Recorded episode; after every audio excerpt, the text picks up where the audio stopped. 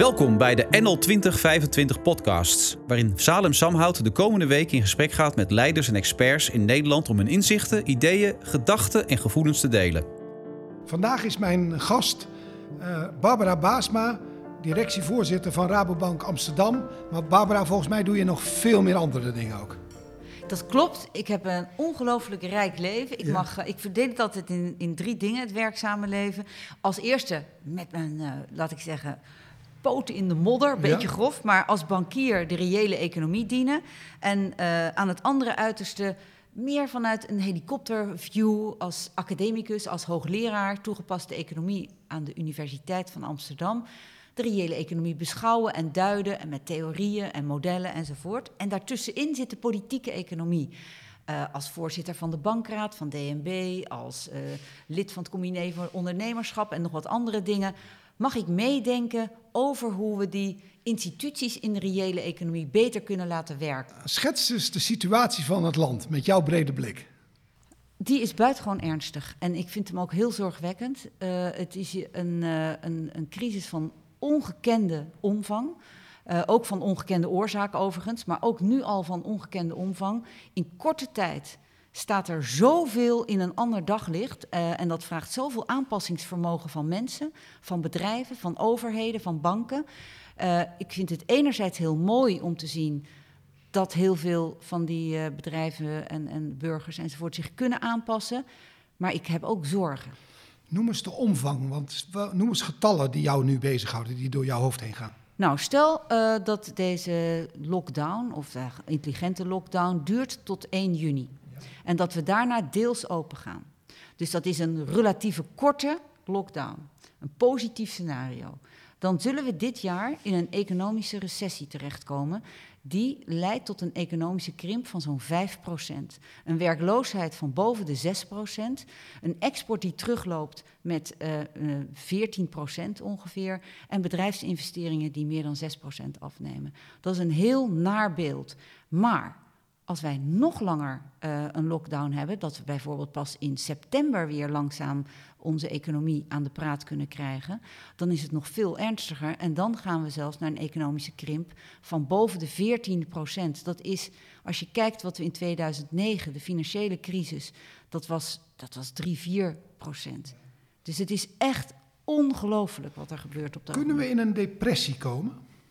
Nou ja, een depressie is als het dus nog meer kwartalen op één leidt. Ik vind um, dat, zou, dat zou zeker kunnen. Uh, ik vind alleen al uh, de huidige. Nu is het nog zo dat we zelfs in dat scenario dat ik net schetste, dat als we in september pas weer de winkels uh, open kunnen doen, de horeca open kunnen doen, dus de lockdown wat kunnen terugdraaien. Dan nog zie je wel inhaalgroei in 2020. Dan zouden we ongeveer met 11% weer gaan groeien. Dus um, meerjarig, dat is nu nog niet het scenario. Maar ja, deze coronacrisis is zo ongekend dat ik ben als econoom heel bescheiden. Ja, modellen uh, werken eigenlijk niet meer. Nou ja, we zijn compleet afhankelijk van uh, eigenlijk van, van virologen die en dat coronacrisis, oh sorry, dat coronavirus zelf moeten leren kennen. Um, wat doet het? Hoe werkt de besmetting eigenlijk? Kan je nog een keer ziek worden? Uh, en ook die IC-capaciteit. Ik bedoel, ik, heb, ik had nooit voor mogelijk gehouden dat we allemaal om vier uur zaten te wachten op, de, op die nieuwste IC-cijfers. Ja, ja, weet je, dat, dat is ook. Uh, uh, dus daar ben je van afhankelijk. En ja, dat, zijn, dat zit niet standaard in de economiemodellen. En nu is er ook een afweging economie en gezondheid. Hoe kijk je daar tegenaan? Die afweging is er uh, nu heel intransparant en weinig expliciet, zelfs heel impliciet. Ik wil daar overigens nog een derde aan toevoegen. Ja, uh, de baten van de coronabeperkende maatregelen op gezondheidsargumenten. Dus bijvoorbeeld dat de, de horeca dicht is, nou, enzovoort, anderhalve meter economie, zeg maar. Die worden heel duidelijk benadrukt.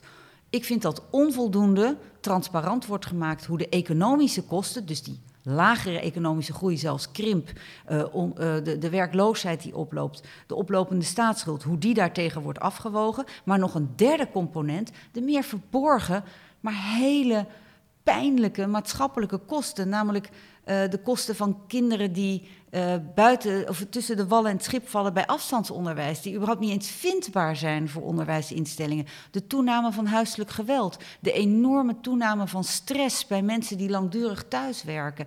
En dat soort verborgen kosten vind ik dat je net als die economische kosten explicieter en transparanter als kabinet moet afwegen met, niet met als doel om versneld open te gaan, omdat dat nog niet, terwijl dat niet verantwoordelijk zou zijn, maar wel om draagvlak voor die coronamaatregelen te behouden. Uh, als je dan toch die afweging zou kunnen maken, dan zou je ook kunnen zeggen: zoveel kosten die er gaan doen. En daardoor ook weer mensen op langere termijn meer langer en breder ziek zullen zijn. Dat je zou ook nog kunnen overwegen: we gaan het land toch weer opengooien. Ja, maar ik snap ook dat het politiek heel moeilijk manoeuvreren is als je een IC-capaciteit hebt uh, die, die beperkt is. En je wil eigenlijk niet dat daar ver boven die capaciteit uitgaat. Want dan moet ook de politiek komt dan voor keuzes te staan die gewoon ja, onmenselijk zijn, zou ik bijna willen zeggen. Um, tegelijkertijd vind ik dus wel dat we over die voorwaarden, wie wel en wie niet naar de uh, IC, moeten wel een gesprek hebben. En ook de afweging van welke economische kosten staan daar tegenover. Want men, men zegt nu wel uh, ja, dat mag je niet doen. Je mag een mensenleven niet in geld uitdrukken. Maar eigenlijk doen we dat de hele tijd. Als we een rotonde aanleggen, of we doen dat niet, of je gaat uh, de snelheid van 100 naar 130 of weer terug aanpassen, dan ben je impliciet ook mensenlevens aan het waarderen. Dus het is niet zo gek dat we dat doen. Alleen ik vind dat in deze tijd we dat explicieter en transparanter moeten doen. Nogmaals, omdat daarmee het draagvlak onder die maatregelen in stand blijft. En nu zie ik dat afbrokkelen. Ik ga van een abstractieniveau lager. Je bent ook uh, voorzitter uh, van Rabobank Amsterdam. Wat zie je nu in de reële economie gebeuren? Wat, wat zie je bij de ondernemers die bij jullie bank zitten? Ik zie ondernemers, sommigen zijn, uh, nou ik wou zeggen goed voorbereid, maar dat is het niet. Maar sommige ondernemers hebben echt heel goed inzicht en overzicht over wat er gebeurt in hun onderneming. Die hebben een hele adequate liquiditeitsplanning, die weten wat hun orderportefeuille is, die doen heel erg goed aan voorraadbeheer enzovoort enzovoort die schrikken hiervan, uiteraard. En die, uh, maar die, die kunnen uh, een heel goed onderbouwde aanvraag voor hulp, voor kredietlijnen, voor overbruggingskrediet uh, bij ons indienen. Maar er zijn ook ondernemers die veel minder goed dat inzicht en overzicht hebben. En die ook gebruik willen maken van die regelingen. En die komen ook bij ons. Dus ik zie eigenlijk verschillende soorten bedrijven bij ons aankloppen. Uh, ook uit verschillende sectoren. Uh, sommige gedigitaliseerd, andere weer niet. Dus het is heel divers wat op ons afkomt nu. Maar het is massief. Mag ik vragen, die eerste groep die best goed voorbereid is, wat doen jullie met die groep? Nou, die, kan, die kunnen we sneller helpen. In de zin van dat we daar sneller akkoord op kunnen geven. Um, en uh, ik geef het alleen maar aan om, om te laten zien, kijk, banken. Het mooie is dat wij nu ook de kans krijgen, uh, in tegenstelling tot de crisis uit 2009 en daarna, om te helpen om uh, de, de crisis in de reële economie op te lossen. Of nou niet op te lossen, maar minder diep, minder hard, minder lang te maken. En um, wij kunnen dat beter doen als bedrijven uh, goed onderbouwde aanvragen doen. We kunnen dat beter doen als het instrumentarium dat de overheid heeft ontwikkeld ook praktisch goed uitvoerbaar is. En zo uh, ben ik bezig om niet alleen naar die aanvragen van bedrijven te kijken, maar ook te zorgen dat de regelingen die de overheid maakt zo goed mogelijk in praktijk uitvoerbaar zijn. Die tweede groep, dat lijkt me echt moeilijk. Want die hebben hun zaakjes niet goed voor elkaar, of ze kunnen het niet duidelijk overbrengen, en ze hebben hulp nodig. En dan komen ze bij de bank en dan zeggen ze: help me. Terwijl je misschien ook al voor de crisis dat ze er niet zo goed voor stonden, dan denk ik toch dat jullie toch wel vaker wat nee gaan zeggen de komende maanden. Nou, ik, ik deed net heel zwart-wit voorkomen ja, of er bedrijven zijn die inzicht hebben en ja, niet. Er zit ja. natuurlijk heel veel tussen. Maar wat ik alleen maar aan wilde geven daarmee is dat zelfs die bedrijven die misschien niet zo heel goed inzicht in al die dingen die wij van ze vragen hebben, sommigen staan er heel goed voor hoor. Uh, en al voor de crisis bedoel ik. En die kunnen we prima met die regelingen van de overheid uh, kunnen we die helpen. Maar er zijn inderdaad ook bedrijven die er ook voor de crisis al niet goed voor stonden. Die zeg maar niet ziek worden in de, in de coronacrisis door het virus, maar die ziek zijn daarvoor. En net zoals we met IC-capaciteit heel zorgvuldig om moeten gaan en met elkaar maatschappelijk gesprek moeten hebben over wie kan er wel op de IC en wie niet, moeten wij ook met het schaarse kapitaal dat we als banken hebben, eh, als bank, als Rabobank, maar ook de andere banken hebben, moeten we zorgvuldig omgaan en dat daar terecht laten komen bij die bedrijven die levensvatbaar zijn en die ehm, dus gezond de crisis ingaan. Op dit moment kunnen banken weer het vertrouwen herwinnen van hun klanten.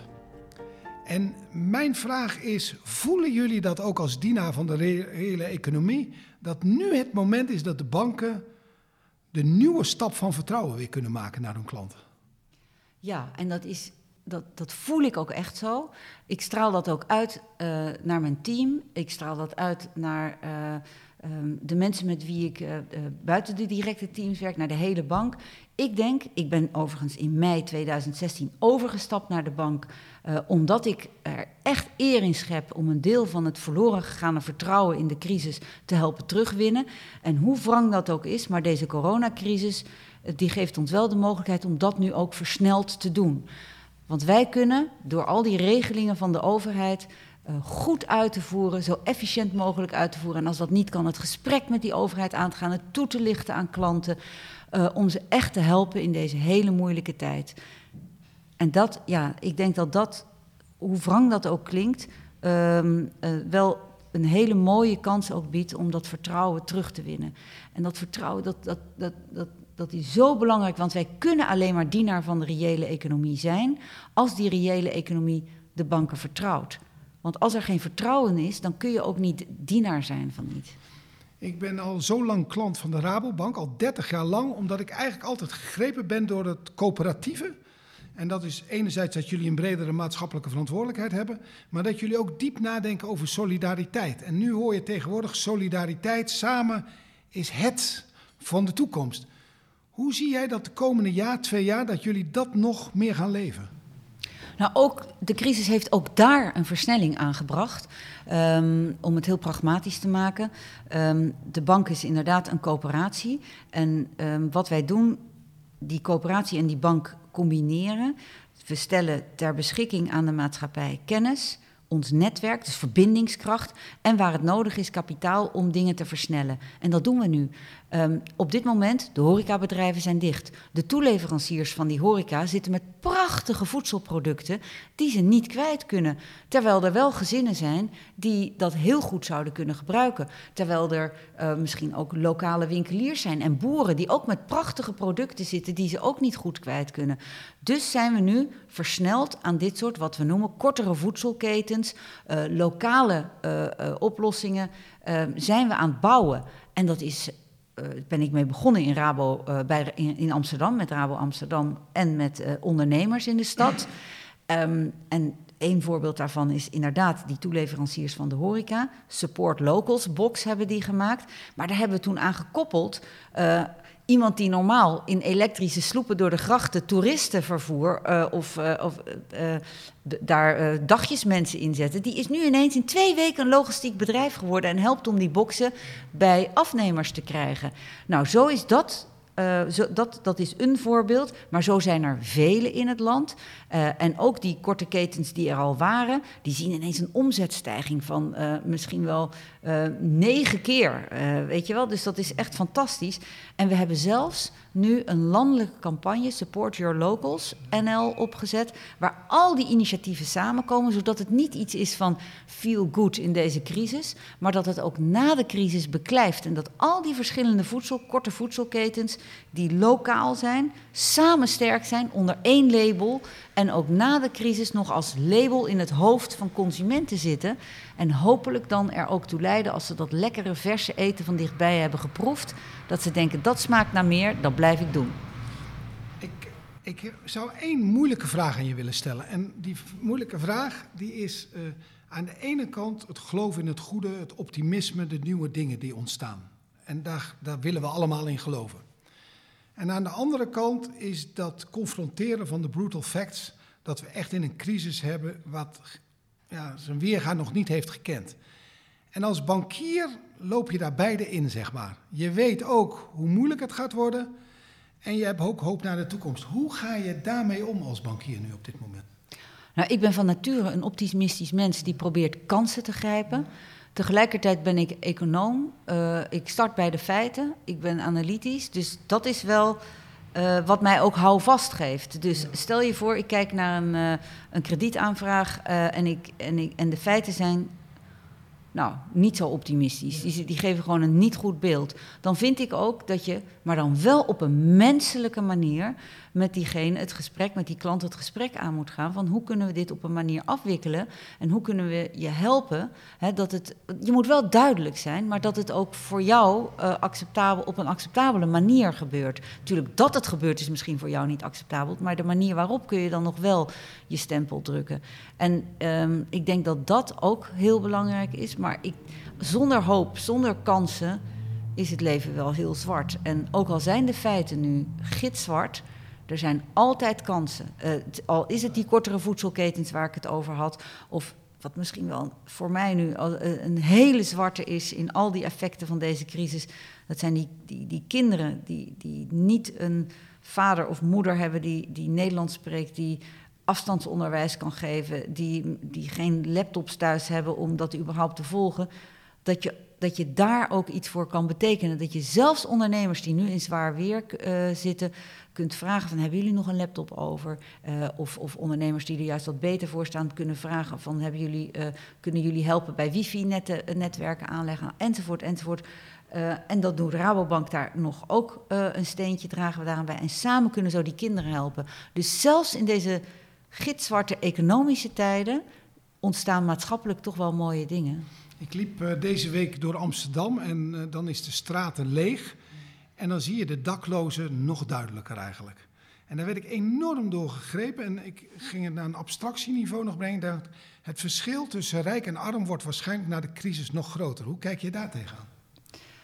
Nou, dat, dat, ik vind dat daar moeten we ontzettend alert op zijn als dat gebeurt. Overigens, het, het, crisis, het, het, het virus zelf maakt geen onderscheid. Hè? Nee. Alleen, uh, en gelukkig hebben wij in Nederland een gezondheidszorgsysteem uh, dat voor iedereen toegankelijk is, anders dan in Amerika of, of, of, of op andere continenten. Um, dus als het goed is, is het op dat punt niet. Maar het is meer waar we het in het begin van het gesprek over hadden. Dat wat doet deze crisis? Het, het, zet alles op zijn kop. Dus als je wendbaar bent, als je zelfvertrouwen hebt, als je competenties hebt die toekomstvast zijn, dan kan je hier beter mee omgaan. Maar mensen die misschien in de basis van de arbeidsmarkt werken, of die misschien al ge, geruime tijd naast die arbeidsmarkt staan, om wat voor reden dan ook, die hebben dat zelfvertrouwen en die competenties misschien veel, veel minder. En daar ben ik met name bezorgd over, dat ze om die reden uh, in deze hele turbulente tijd gewoon die weerbaarheid niet hebben om mee te komen. En dat dat de reden is dat, dat die tweedeling toeneemt. En dat is niet eens zozeer een, een toenemende tweedeling in koopkracht, in inkomen, maar veel meer in kanskracht. Uh, en daar maak ik mij wel zorgen over. Ik sprak gisteren met uh, de directeur arbeidsmarkt van Randstad. En die gaf aan Resilient Society, dat is de oplossing. En welk rol ga jij daarin spelen? Want jij hebt zoveel kracht ook in je, dat je de maatschappij nog weerbaarder maakt. Nou, dat proberen we te doen. Een van de speerpunten waar wij als Rabobank Amsterdam echt in investeren, is het um, verminderen van kansenongelijkheid door onderwijs. Ik geloof echt dat onderwijs de allerbelangrijkste gelijkheidsmotor kan zijn uh, die er is. Van alle instrumenten die je in kan zetten, dat is wat je, waar je mensen weerbaarheid mee geeft, waar je ze fitheid, sorry uh, voor het lelijke woord, maar op de arbeidsmarkt voor geeft. En um, op dit moment is het zo dat onderwijs niet de kansengelijkheid vergroot, maar de kansenongelijkheid vergroot. En dus wil ik er alles aan doen om juist dat onderwijs, dat zo'n belangrijke motor zou kunnen zijn, meer kansrijkheid zou kunnen opleveren, juist voor die kansarme kinderen. En dat doen we door um, uh, juist de hele bank daarbij te betrekken. Want het, de valkuil is dat je denkt, ik ga dat regelen, ik wil dat doen. Maar het is juist belangrijk om daar een programma van te maken... waar breed je partners bij betrokken zijn, je medewerkers bij betrokken zijn, zodat het beklijft. Het mag niet van jou afhankelijk zijn. En dat is wat we doen. We werken met partners, we werken eraan om verschillende scholen in de stad uh, met programma's te helpen om, ze, om de kinderen bijvoorbeeld bredere netwerken te geven. Wat zo belangrijk is. Om uh, uh, uh, ook wel te helpen ehm, om ze toegang te geven tot bijvoorbeeld cultu cultuur en kunst, wat uiteindelijk ook een hele belangrijke is in je ontwikkeling.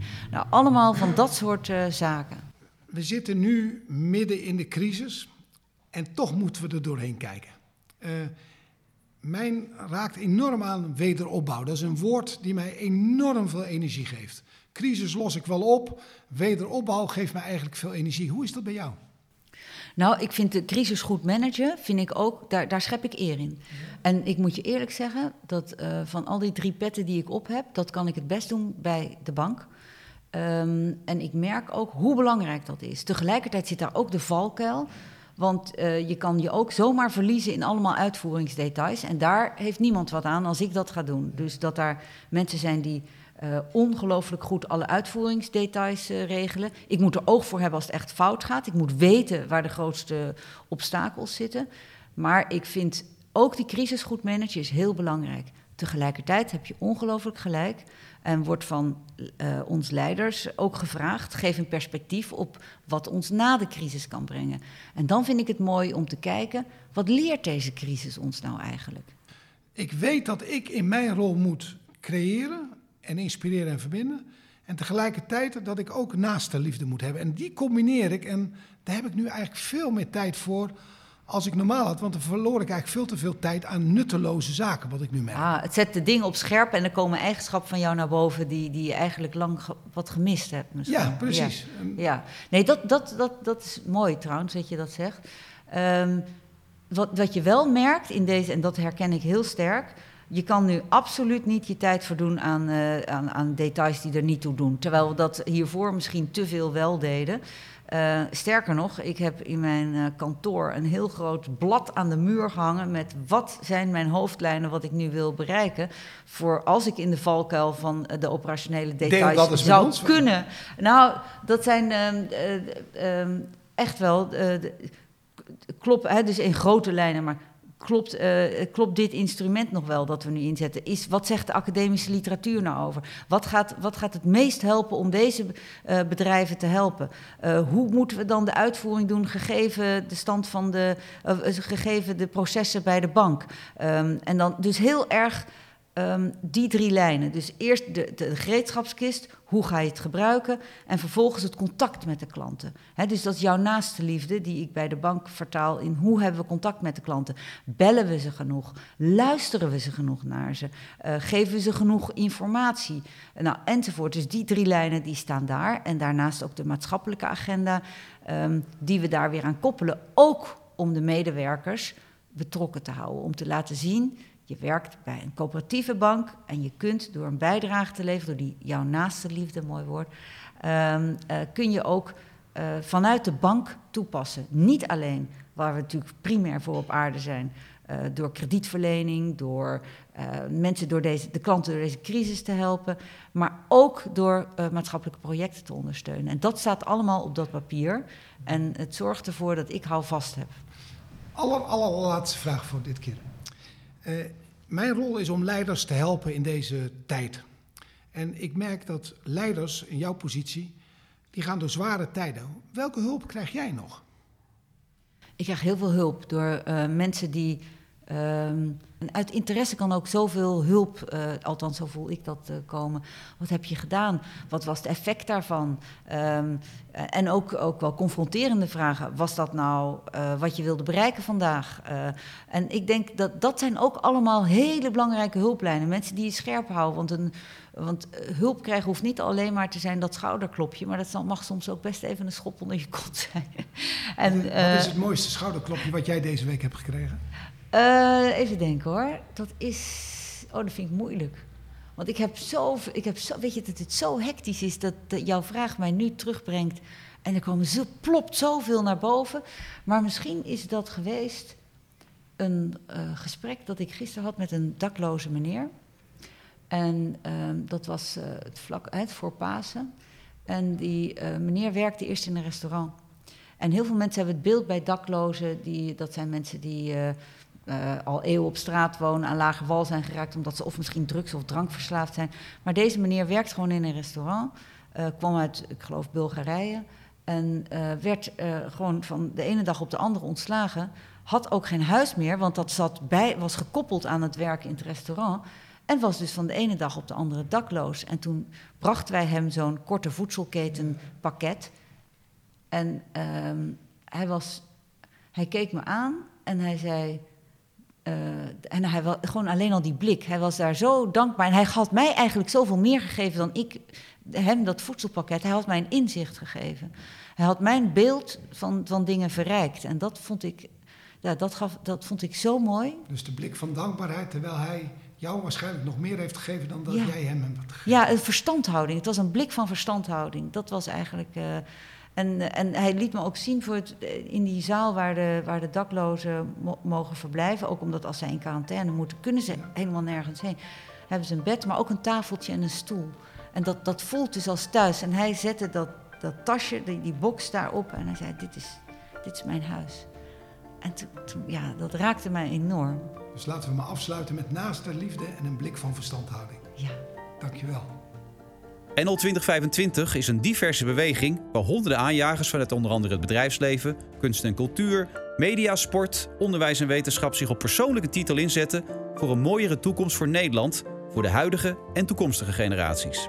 En dat doen we vanuit het pay it forward principe.